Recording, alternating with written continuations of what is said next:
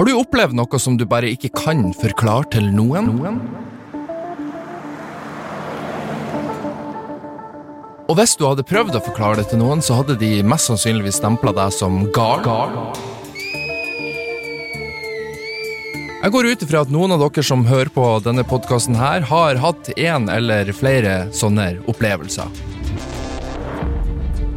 Og hvis det er noe trøst, så er det veldig, veldig mange på Reddit som også har hatt uforklarlige eller creepy opplevelser som de rett og slett ikke kan forklare den dag i dag.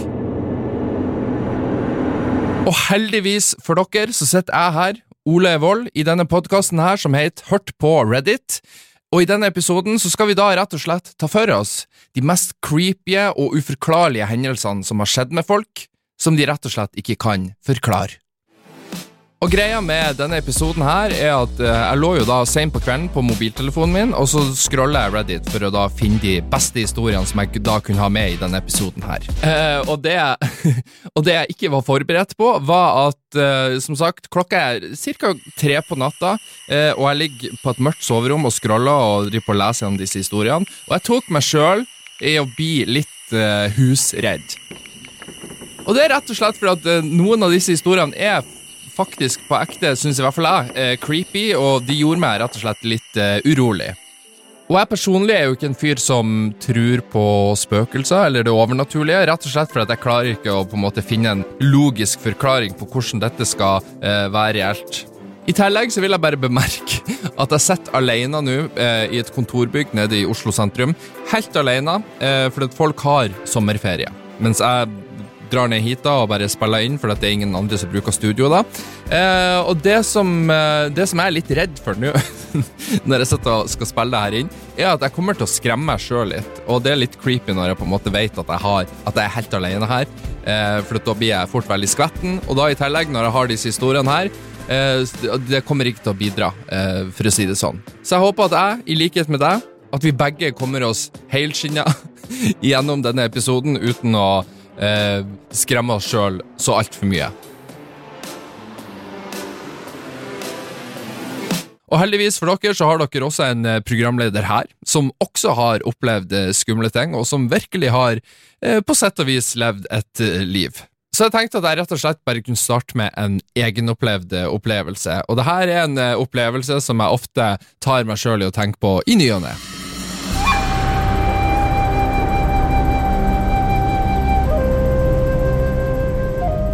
Og For denne historien her så skal vi altså da tilbake til året 2009.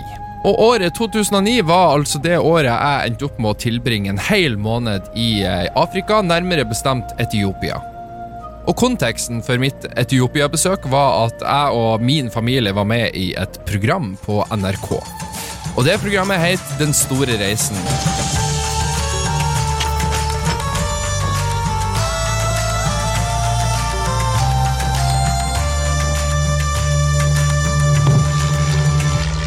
Da tar du rett og slett bare en norsk, streit, hvit familie, pakker dem inn i et fly, og så sender du dem til utlandet. Familien består av meg, og så er det han Raymond.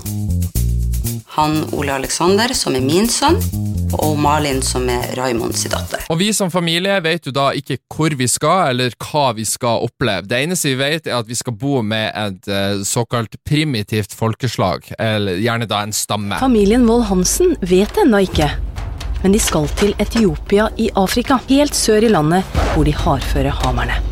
Og Hele poenget med denne reisen er jo at vi skal leve sånn som stammebefolkninga gjør. Så vår hverdag eh, skal bestå pretty much det samme som da stammen eh, sin hverdag er. Jeg har ikke noen spesielle erfaringer med afrikanere. sånn sett. Har jo, man har jo sett dem på TV, og man har jo kanskje sett noen. Problemet kommer fort da når man må eh, på do og bæsje.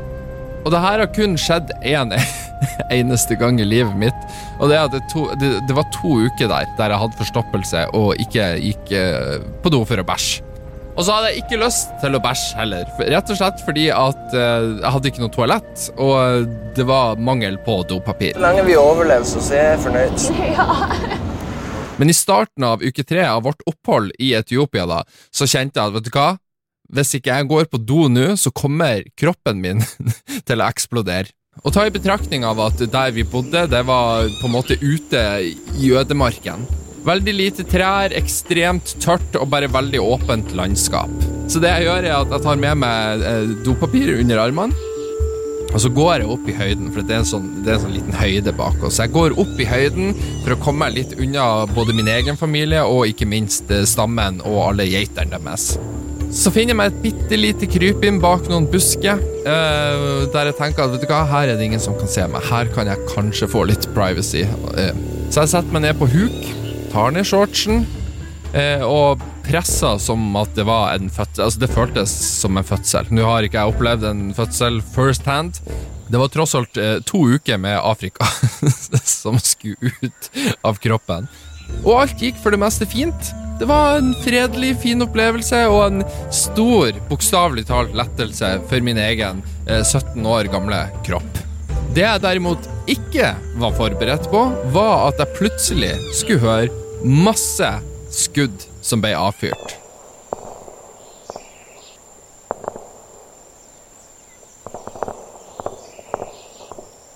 Og ja, når jeg sier skudd som blir avfyrt, så mener jeg skudd fra et våpen. Nærmere bestemt et eh, AK-47-gevær. De som Hvis du spiller CS, eller noen slags form for skytespill, så vet du hva en AK-47 er.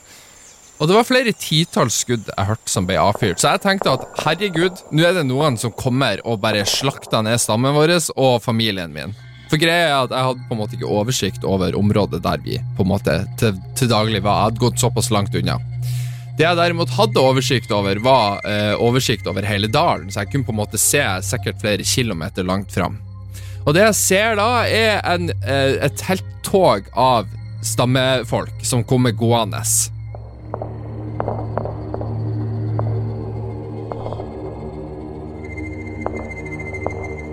Og de går jo da selvfølgelig med flere AK-47-gevær og står og skyter i lufta og kommer gående sakte, men sikkert.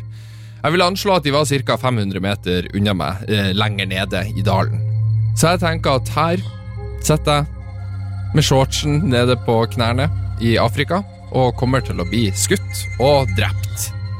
Jeg tenkte rett og slett at livet mitt er over, og hvis det var en måte jeg skulle gå på, så var det jammen meg i denne situasjonen her. Og eh, spoiler alert, som dere sikkert hører, så lever jeg ennå.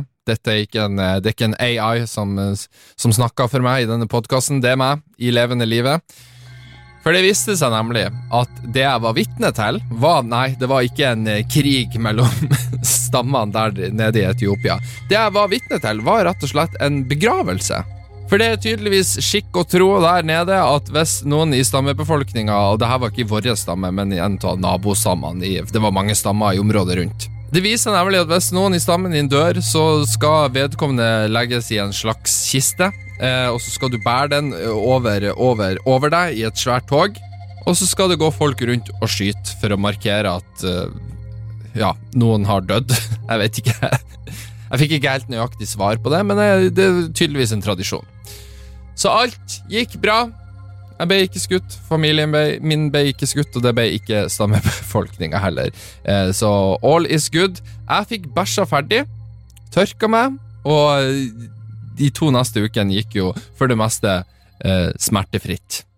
Så det var altså starten på min store karriere som eh, reality-kjendis i, eh, i NRK. Selv om jeg spiser kjøtt, så står det bare på en måte imot alt det jeg på en måte står for, sånn sett. Bare slakting i seg sjøl syns jeg Men uansett, når det er sagt, så foreslår jeg at vi setter i gang med dagens episode, som da er de mest creepy og uforklarlige tingene som folk på Reddit har opplevd.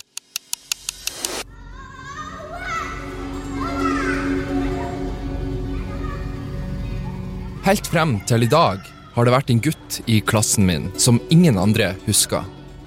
Jeg husker tydelig at jeg lekte med denne gutten i barnehagen, og vi var nesten uatskillelige. Rundt en måned etter juleferien så forsvant han. Ingen huska han, verken lærerne eller de andre i klassen. Ingen. Jeg spurte til og med rektoren om han var ok, og hun spilte med og gikk gjennom registrene for å se om han hadde bytta skole. Hun fant ingenting. Jeg tenker på dette minst én gang i måneden.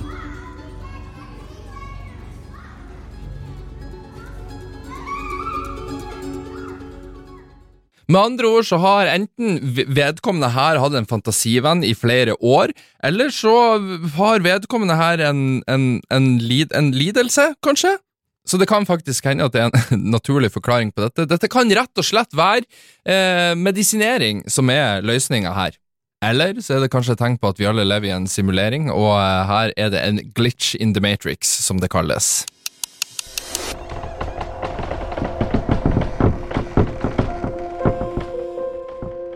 Da jeg var 13 år gammel, så flytta jeg inn på rommet til broren min, ettersom det er en utvidelse av det opprinnelige huset med eget bad, og det er mye større enn mitt gamle rom. Opprinnelig så var dette et lite kott med inngang til loftet, men det ble utvida utover. Inngangen til loftet er alltid åpent, med en permanent stige av metall som er vinkla opp mot det. Ja, og På Reddit her da, så er det jo da et bilde som vedkommende har lagt ut, og det er eh, Jeg vil beskrive det som en slags 90-tallsaktig type rom, med et svart hold i taket og en metallstige som går opp dit. Og Det svarte holdet er da selvfølgelig veien opp til loftet der det er mørkt, og det ser ikke ut som det er noe dør eller noe, på en måte noe eh, luke som du kan på en måte lukke for å ikke se loftet. Noen uker etter at jeg flytta inn, så våkna jeg midt på natta og så en skikkelse stirre ned på meg, med et hvitt hode, som en skalle, og en formløs, svart kropp. Den bevegde seg sakte ned til fotenden av senga mi og stirra på meg til jeg bevegde meg, hvorpå den sank ned i gulvet. Bare søvnparalyse, ikke sant? Jeg hadde insistert på å flytte inn på rommet og hadde nettopp fått det i orden, så jeg hadde ikke tenkt til å flytte ut. Jeg snakka ikke egentlig om det til noen, og det ble gradvis mindre vanlig over tid. Åtte år etterpå så nevnte broren min på en samling at han pleide å ha en søvnparalysedemon da han bodde på det rommet, i en halvt spøkefull, halvt skremt måte til andre mennesker når temaet kom opp. Han beskrev akkurat samme jævla ting.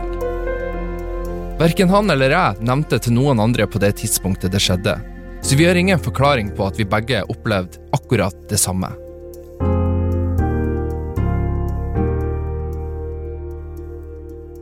Ikke sant? Det her er creepy. Fordi at eh, Min første tanke når jeg leser denne historien, her er at ok, dette er søvnparalyse. Broren hans har opplevd det samme. Eh, og eh, Hadde jeg vært i lignende situasjon her, så hadde jeg flytta ut fra rommet eh, momentant.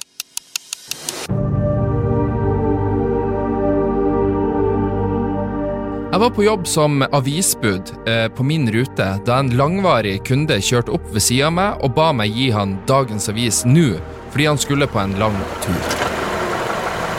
Jeg ga han eh, avisen og hoppa over huset hans mens jeg fortsatte ruta mi.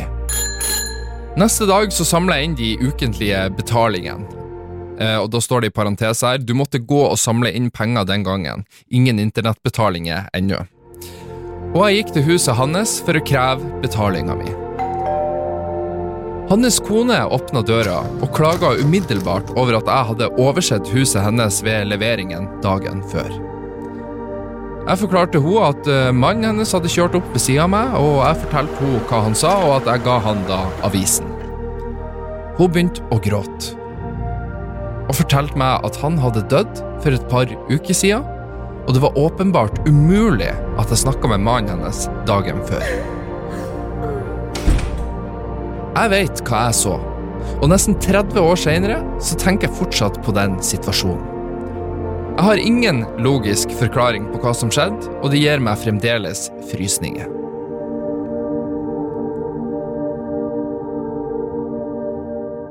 Ja, altså Jeg får umiddelbart en teori her.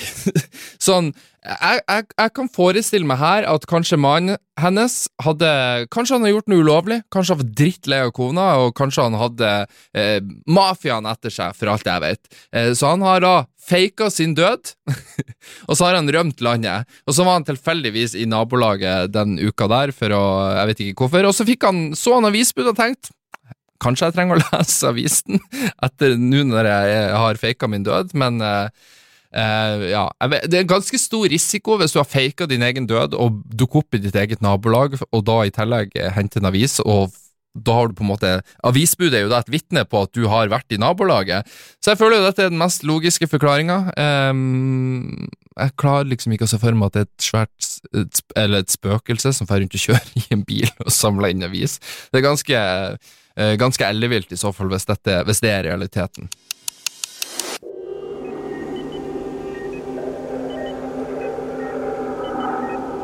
Jeg pleide å jobbe på et pleiehjem der jeg tok vare på pasienter med demens. Hver pasient på avdelinga jeg jobba på, ville stjele skeier fra middagen for å gi til, eh, og da i quote, barna, fordi at de liker quote, blanke ting. Det kom til et punkt der jeg måtte gå gjennom alle sitt rom én gang i uka for å ta tilbake skeiene. Jeg spurte pasientene om barna mange ganger, men fikk aldri et godt svar. Jeg hørte ting som eh, De bare bor her! De står utfor i snøen og ser inn i vinduene. Eller De er vennene mine som eh, kommer på besøk. Og siden jeg jobber på et pleiehjem der pasientene har demens, så ville ikke dette vært så merkelig hvis det bare var én person som gjorde dette. Men dette var alle pasientene. I hvert fall de som fortsatt kunne snakke. En gang klokka tre om natta så begynte en av pasientene mine å skrike. Så jeg løp inn på rommet hennes og fant henne liggende i senga, tilsynelatende i orden. Jeg spurte hva som var galt, og hun sa Den gutten er her igjen og vil ikke komme seg ut av skapet mitt. Jeg er redd. Jeg tenkte det samme, gamle dame. Hva i alle dager er det som skjer?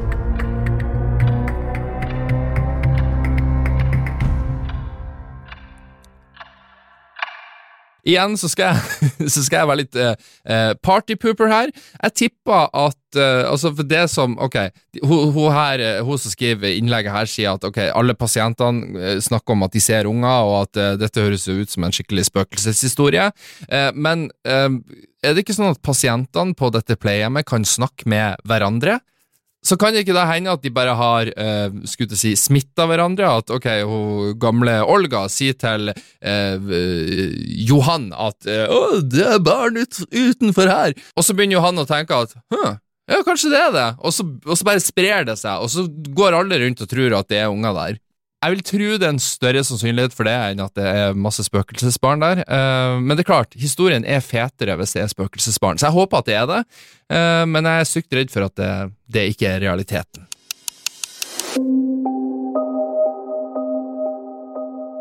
Jeg var 15 år gammel. Jeg hadde nettopp kommet hjem fra jobb, så jeg gikk til soverommet mitt for å skifte ut av arbeidsklærne og gjøre meg klar for å legge meg. Jeg holder på å kle av meg når jeg ser mot soveromsvinduet for å se refleksjonen min. Og der ser jeg en mann sitt ansikt. Jeg detter ned på gulvet og slår av lyset, prøver febrilsk å kle på meg mens jeg fortsatt ser på vinduet. Ansiktet er borte, men jeg fortsetter å se, og da ser jeg et jævla kamera. Ikke noe ansikt, bare et kamera som er retta mot meg mens jeg sitter på gulvet.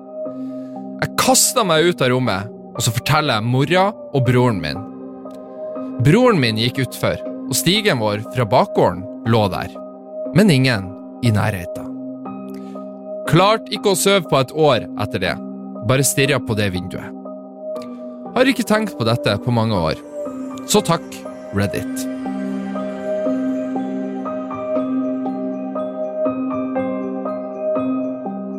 Og det skal faktisk si Det her minner meg faktisk om jeg bodde et år på uh, Og på, så bodde jeg i andre etasje, og på andre sida av veien, altså utsikta mi fra stuevinduet, så kunne jeg da se på andre sida av veien.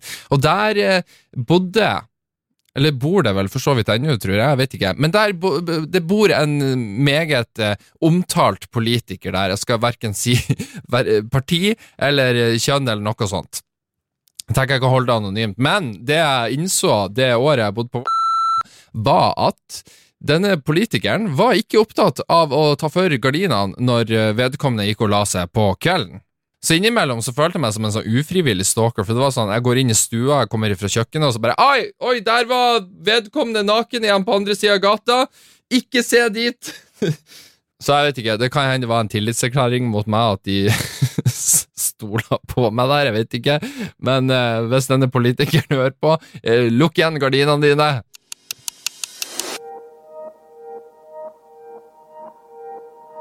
Jeg har et merkelig minne som ikke er mitt eget.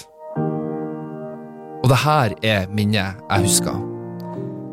Jeg er en liten gutt med dress og slips. Jeg er på en fest i en stor seremoniell kirke eller noe lignende, og det er mange menn og kvinner som har på seg elegante, svarte klær. Alle samles i en sirkel, og det er midt på dagen, og lyset strømmer inn gjennom vinduene. Det er et eldre par som danser midt i sirkelen, til klassisk, eh, festlig musikk, og jeg prøver å se på dem gjennom folk sine bein. Plutselig så faller mannen. Ingen skudd, og det var ingen som gjorde noe mot han. Og i det samme han faller ned, så begynner alle å skrike.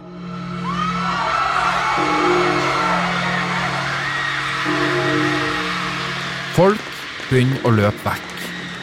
Men mannfolkene løp mot han. Jeg tror jeg ble trampa på fordi jeg lå på gulvet, og så blir alt svart. Og det er alt jeg kan huske. Dette er et klart minne som har sittet fast hos meg så lenge jeg kan huske. Og jeg blir virkelig skremt fordi jeg vet at dette minnet ikke er mitt eget.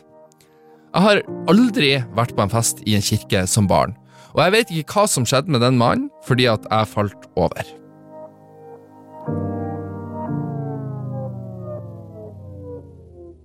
Ja, er det noen av oss som tror på konseptet det å bli gjenfødt? At du har i et tidligere liv vært et annet menneske, og så døde du på et tidspunkt, og så har du blitt gjenfødt opp på ny i en eh, ny variant, nytt menneske, i dagens moderne alder. Jeg personlig tror jo selvfølgelig ikke på det, for jeg er jo en skeptiker av rang, selvfølgelig. Eh, men det er jo selvfølgelig det første man kan tenke når man hører en sånn her historie. Eller så kan man bare tenke at eh, ok, du som barn bare laga deg et minne av en eller annen grunn. Kanskje du så en film? Kanskje du har sett det via en, altså en eller annen, via et eller annet, som gjør at du bare til slutt bare har festa dette minnet som ditt eget. Eh, for det greia med oss mennesker det er at hukommelsen vår er ikke til å stole på i det hele tatt. Vi, vi har en tendens til å, spesielt jo lenger tida går, eh, til å eh, ta mye feil når det kommer til ting vi husker og ikke. Så det er min teori. Unger har mye fantasi, og um, på et eller annet tidspunkt så har denne personen klart å overbevise seg sjøl om at um, ja, dette er bare noe jeg har opplevd.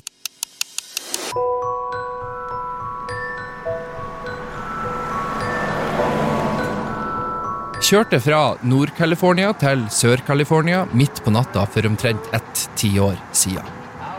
Jeg var trøtt, og landskapet langs motorveien gjennom dalen er ikke veldig interessant. Jeg husker at jeg passerte en gammel silo, og så sto jeg på bilklokka mi, og den viste klokka kvart over tre på natta.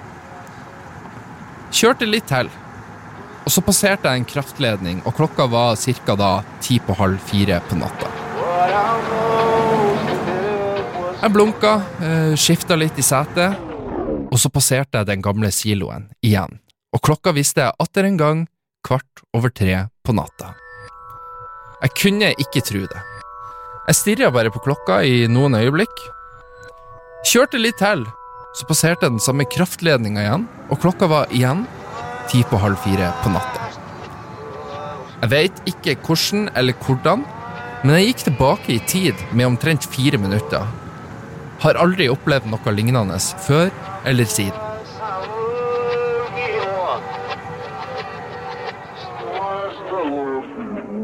Ja, og her har vi endelig en historie der jeg på en måte ikke klar eh, Skeptikeren meg, Ole, klarer ikke å um, komme på en god teori for hvorfor vedkommende har opplevd dette. Jeg tenker, altså, Det kan jo hende vedkommende her har sovna bak rattet mens vedkommende kjørt, men igjen, hvis du søvner av bak rattet, så er det jo stor sannsynlighet for at du blir å krasje.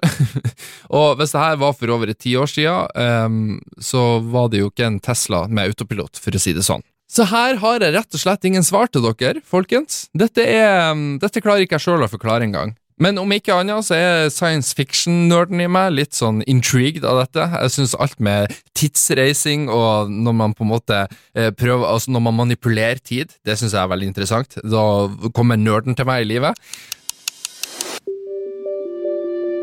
Du vet, på kalde dager, inne i bilen, så kan du puste på vinduet, og så kan du tegne på glasset.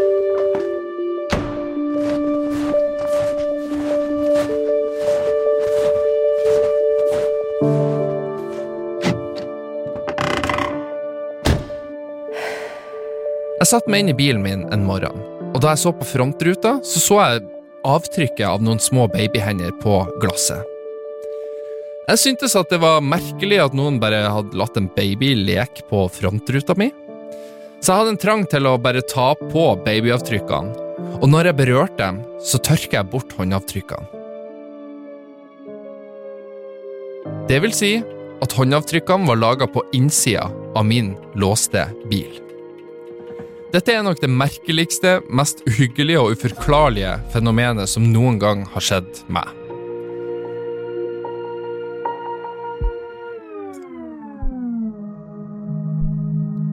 Altså, hvordan kan en baby ha vært inne i en bil som allerede er låst? Det, det her er jo en sånn historie som jeg ikke klarer Jeg klarer ikke å komme på en logisk forklaring på hvordan dette kan ha skjedd, eh, og det hadde skremt eh, vettet ut av meg òg, for å si det sånn. Med andre ord, den dagen der så hadde jeg nok eh, tatt en taxi, eh, og så hadde jeg latt bilen min stå parkert, eh, og så kanskje hadde jeg bare solgt den.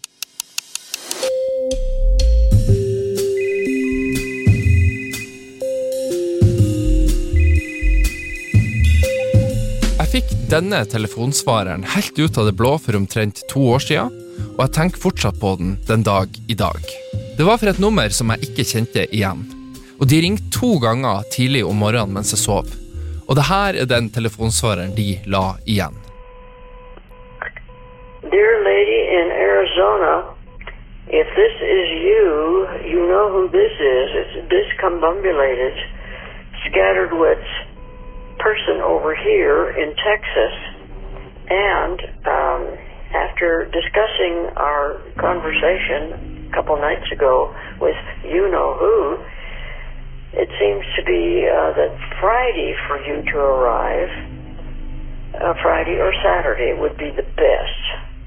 Um, my dear son has, still is saying that he thinks that uh, uh, he will show up Thursday morning by hook or crook at the uh, destination.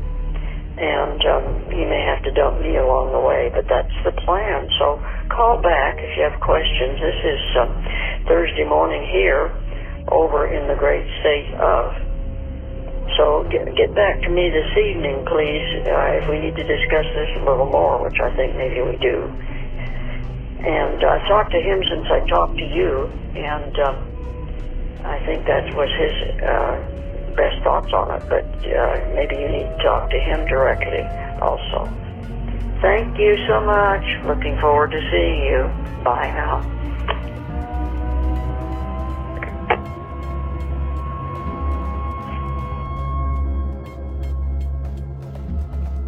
Hele greia er ubehagelig.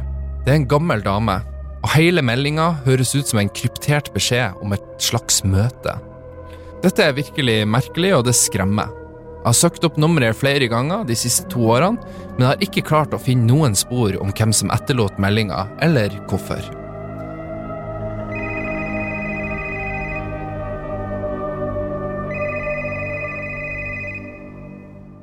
Det skal sies at denne dama her, hun, altså det er jo ikke noe sånn Hun sier jo ikke noe som i, sånn, i utgangspunktet skulle være skummelt, men jeg freaka ut òg sånne gamle gamle kjerringer, spesielt med litt sånn sørstatsamerikansk dialekt. Eh, det er noe sånn super creepy over um, over sånne meldinger. Eh, så jeg, jeg vil òg og, og det verste av alt Jeg har faktisk opplevd lignende sjøl. I juni så var det da et nummer som ringte meg. Et fremmed nummer som jeg aldri hadde sett før, og jeg er jo ikke en psykopat, så jeg tar ikke, jeg tar ikke telefonen hvis det er noen fremmede som ringer meg. Da screener jeg telefonsamtalen, og så um, søker jeg opp nummeret i ettertid, bare for å se er det noen jeg vil snakke med, eller er det telefonselger, eller, eller uansett. Greia var da at da ble det lagt igjen en telefonsvarer, eh, og jeg tenker jo at eh, hvis du legger en telefonsvarer i 2023, så er det jo ganske spesielt i utgangspunktet.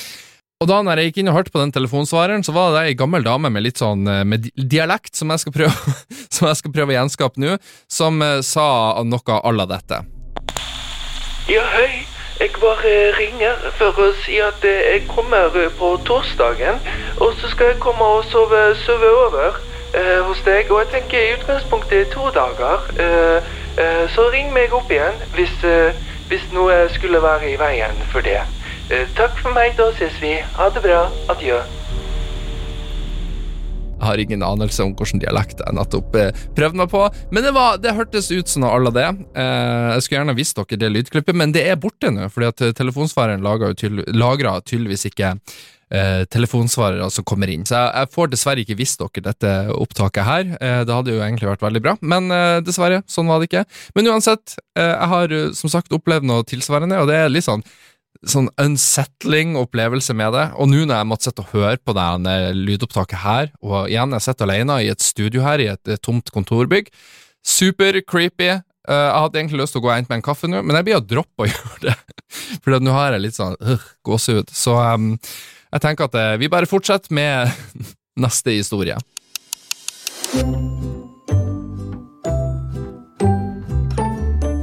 Mens jeg gikk på college, så bodde jeg sammen med min barndomsvenninne som romkamerat i omtrent to år. Vi hadde tillit til hverandre, og vi gikk fritt inn på hverandre sine rom for å ta det vi trengte. Eksempel å låne klær, eh, hårbørste, parfyme osv. Ingen spørsmål ble stilt, bare en liten eh, bankelyd. Hvis vi var i rommet, for å gi beskjed om at vi gikk inn. Rommene våre var rett over gangen fra hverandre med gangen vendt mot kjøkkenet. Så fra kjøkkenet så kunne man se nedover gangen der rommene våre var. På den tida så hadde venninna mi langt, svart hår og var veldig lys i huden. En dag så kommer jeg hjem fra jobb med hodetelefonene i øret mens jeg snakker med mamma om dagen min. Jeg går inn på kjøkkenet og så tar jeg meg en matbit. Jeg ser venninna mi komme ut av rommet sitt og gå inn på mitt rom. Deretter så forlater hun rommet mitt, og så går hun tilbake til sitt eget rom. Hun så ut som hun nettopp hadde dusja. Håret var gjennomvått, og hun var omslutta av et eh, hvitt eh, håndkle. Jeg husker tydelig det lange, våte, svarte håret. Hun så ikke på meg, men jeg syntes ikke det var noe særlig rart. Jeg sa ikke noe til henne, siden det var normalt å låne ting av hverandre. Jeg er fortsatt på telefonen med mamma, så jeg tenker ikke så mye på det. Jeg tar matbiten min, legger på med mamma, og så går jeg inn på rommet mitt for å se på TV. Jeg antok at venninna mi gjorde seg klar til å dra et sted, og at vi ville snakkes seinere. Rundt én time går, og jeg går til kjøkkenet for å rydde opp tallerkenene jeg spiste på. Jeg ser henne på kjøkkenet mens hun lager mat, og så sier jeg til henne Hei, du, hva tok du fra rommet mitt tidligere? Fikk du det du trengte? Hun ser på meg som at jeg var gal, og så sier hun Hva snakka du om? Og så sier jeg Ja, altså, tidligere når jeg kom hjem, så så jeg deg gå inn på rommet mitt, og så tok du noe. Eh, fikk du det du trengte? Eh, by the way, unnskyld for at jeg ikke sa hei, jeg snakka med mamma på telefonen. Hun spør meg om jeg er sikker på at jeg så henne.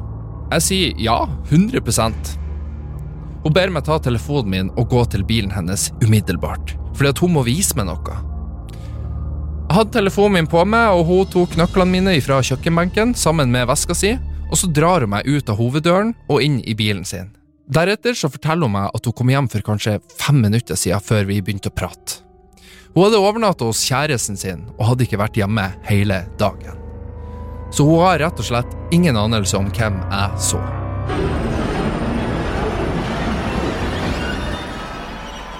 Jeg kommer aldri til å glemme ansiktsuttrykket hennes når hun fortalte meg dette. Fullstendig frykt og panikk.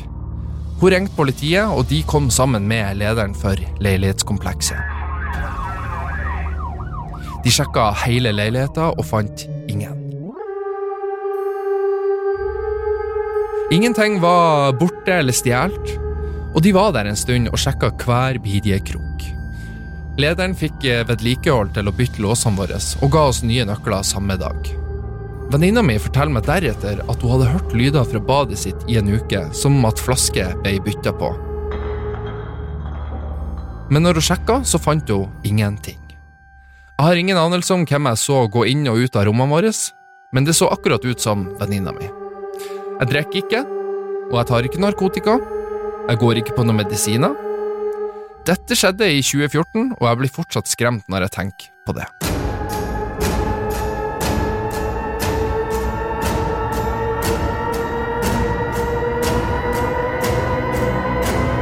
Og selvfølgelig, så har denne historien her, så handler det om ei jente med hvit hud og svart, vått hår.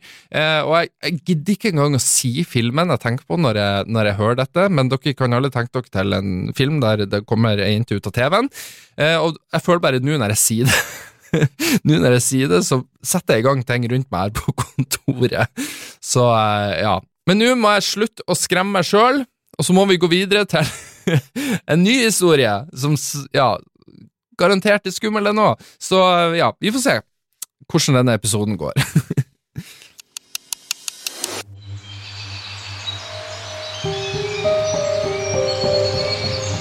Tilbake i ca. 2008 så bodde jeg i nærheten av høyskolen min i en leilighet.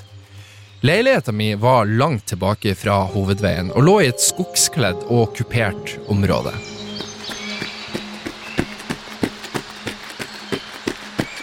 En kveld så var jeg ute og jogga nær solnedgang. Jeg var nede ved bunnen av en bakke bak leiligheten min, så det var nær slutten av løpeturen min.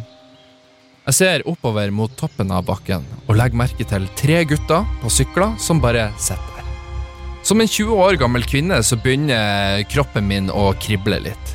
Jeg sier til meg sjøl at jeg bare psyker meg sjøl ut, og at dette vil gå bra, så jeg fortsetter å løpe. Jeg er omtrent eh, halvveis opp bakken. De tre guttene sitter fortsatt der med ansiktet mot meg. Jeg har ikke med meg telefon eller noe annet, og har ingen andre steder å gå, så jeg sier til meg sjøl at jeg bare skal løpe så fort jeg kan, og skrike om jeg må. Plutselig så hører jeg noe som kommer opp ved sida av meg. Jeg ser til høyre og ser en schæfer.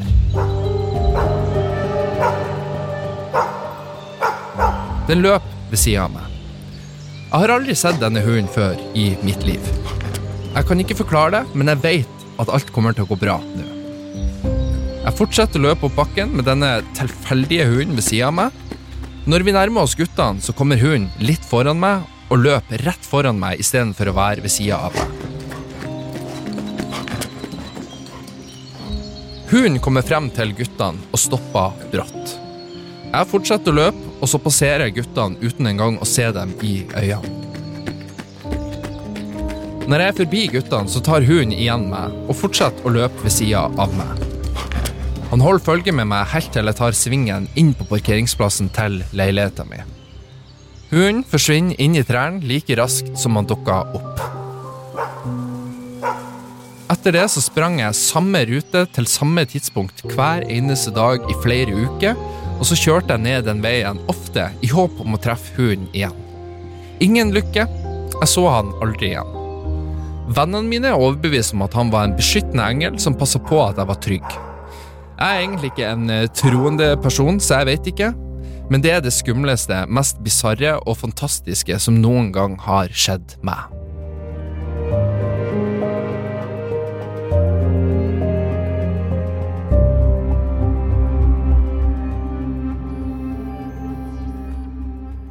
Ja, og akkurat nå så skal jeg gjerne ha en schæfer med meg inne i studio her, um, for å på en måte berolige meg, men det er dessverre ikke alle oss som har tilgang på schæfere som bare dukker opp ut ifra det intet. Men igjen, bra at schæferne der ute passer på at alt går ryddig for seg når man er ute og sprenger alene, i tilfelle man skulle bli overfalt av, eh, av eh, noen eh, forferdelige mennesker der ute.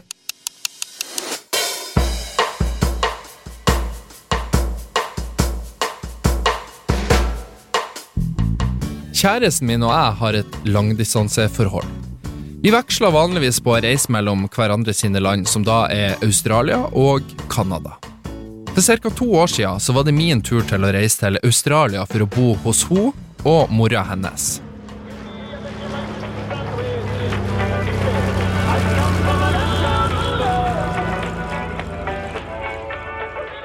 For litt kontekst her, så var kjæresten sitt rom bygd som, en, som et tilbygg til garasjen deres. Så for å komme til soverommet hennes, så måtte man gå igjennom garasjen.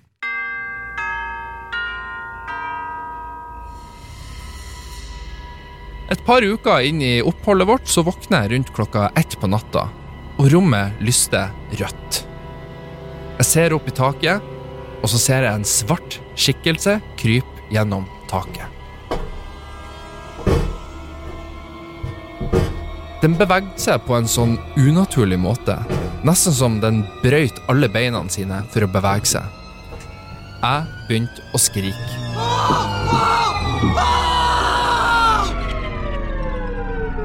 Noe som vekker kjæresten min, og hun ser opp i taket og begynner også å skrike. Instinktivt så griper jeg puta mi og kaster den mot skikkelsen.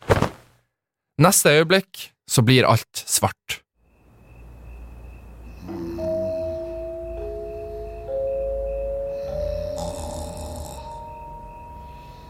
Og jeg våkna noen timer seinere.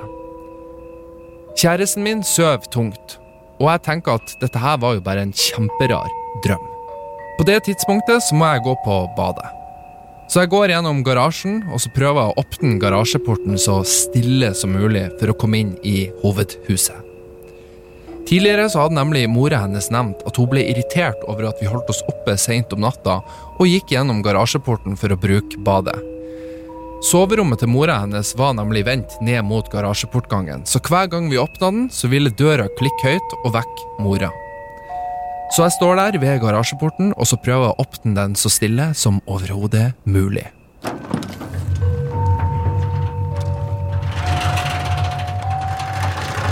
Da jeg vrir om håndtaket og døra klikker mens jeg skyver den igjen, så begynner mora hennes plutselig å skrike for full hals.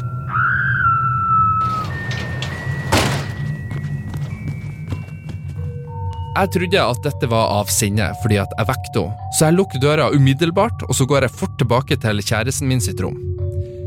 Jeg kryper opp i senga, og så vekker hun forsiktig for å fortelle henne at «Ei, eh, mora di ligger og skriker. Hun står opp og går for å se om mora fortsatt var sint, og prøver å dempe situasjonen. Cirka 20 minutter går, og kjæresten min kommer tilbake til rommet helt stille. Hun spør meg om jeg også så at rommet lyste rødt tidligere i natt, og om jeg så en skikkelse i taket. Jeg svarer ja, og hun får store øyne og sier at hun trodde at det også bare var en drøm. Så forteller hun at mora hennes ikke skrek til meg. Tydeligvis, når jeg hadde åpna døra, så vekket jeg mora opp, men når hun våkna opp, så var det en svart skikkelse som sto ved fotenden av senga hennes, og den bevegde seg sakte mot henne. Deretter så opplevde også hun et svart øyeblikk, og våkna opp av at kjæresten min sjekka hvordan det gikk med henne. Ja, hele huset sov med lyset på i en måned etter det.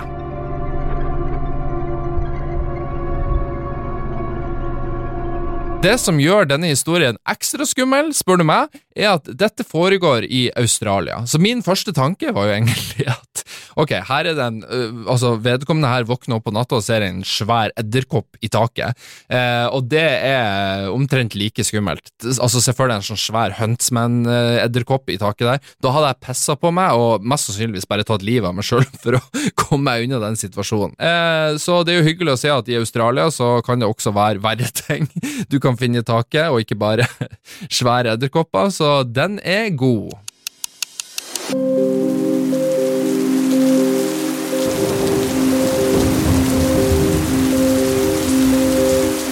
Vi var på campingtur med kona mi og satt rundt leirbålet. Plutselig så begynte det å pøse ned. Så vi gikk tilbake inn i teltet. Inne i teltet så var regnet så kraftig at vi kunne ikke høre noe annet enn den knitrende lyden av regndråpene som traff teltduken. Vi bestemte oss for å skifte klær, og så tar vi rett og slett kvelden. Vi krøp ned i soveposene våre, slukka lyset, og så hørte vi.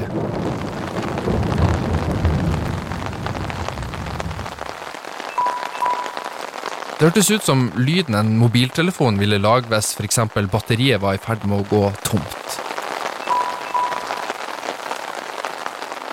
Problemet var at vi ikke hadde telefoner som laga akkurat den lyden, og telefonene våre var i tillegg skrudd av. Milevis fra andre mennesker. Regnet øste ned. Og vi kunne ikke høre om noen faktisk nærma seg teltet. Vi var rett og slett fanga inne i denne dødsmaskinen av et telt med bare én utgang. Vi frøys og venta i det som virka som flere timer. Til slutt så grep jeg tak i geværet og lommelykta mi, og så kasta jeg meg mot døra for å komme meg ut så fort som mulig. Når jeg kom ut, så løp jeg rundt teltet. Ingenting. Ingen verdens ting. Ikke tegn til liv noe sted. Vi tok med oss verdisakene våre og bestemte oss for å gå de ti minuttene til bilen vår. Vi kom oss dit trygt, kjørte en times tid for å komme oss hjem, og så så vi bedre enn hva vi ville ha gjort om vi hadde blitt igjen i teltet. Neste dag så kjørte vi tilbake for å hente tingene våre. Da vi kom til teltet, så så det ut som at eh, ingenting hadde blitt rørt. Og det var ingenting som var borte. Når vi kom hjem og pakka ut, så kunne ikke kona mi finne undertøyet sitt. Ikke en eneste underdel var der. Bokstavelig talt ingenting annet var borte fra tingene våre. Dette er den mest ville og skumleste opplevelsen i vårt liv.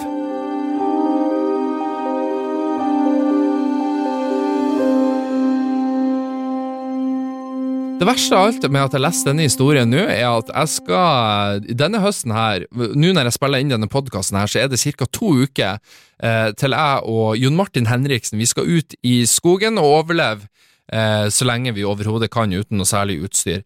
Og en sånn her historie blir ikke akkurat til hjelp på min trivsel eh, når vi skal på en måte overnatte ute i skogen uten noe særlig utstyr. Altså, vi har ikke telt engang, eh, så jeg skjønner jo nå at dette var ekstremt ekstremt dumt av meg å sitte og lese. Og ikke nok med at jeg skal være redd for uh, hoggorm og elg og bjørn for den saks skyld òg når jeg og Jon Martin er ute i skogen. Nå skal jeg også være redd for folk som uh, mest sannsynligvis er på jakt etter undertøyet vårt.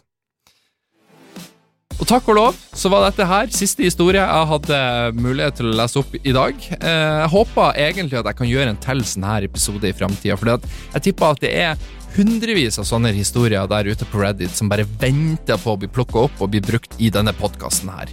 Og så er det alltid bare veldig fascinerende å høre og lese historier om folk som opplever ting som bare rett og slett ikke kan forklares. Hvis du likte denne episoden og liker denne podkasten for øvrig, så anbefaler jeg deg veldig sterkt å følge denne podkasten eh, på den podkastplattformen du hører dette på. Legg igjen en eh, god anmeldelse og eh, anbefal den til en venn eller flere, for den saks skyld. Podkasten er som alltid laga og produsert av meg, Ole Wold, med kjempegode bidrag fra Reddit.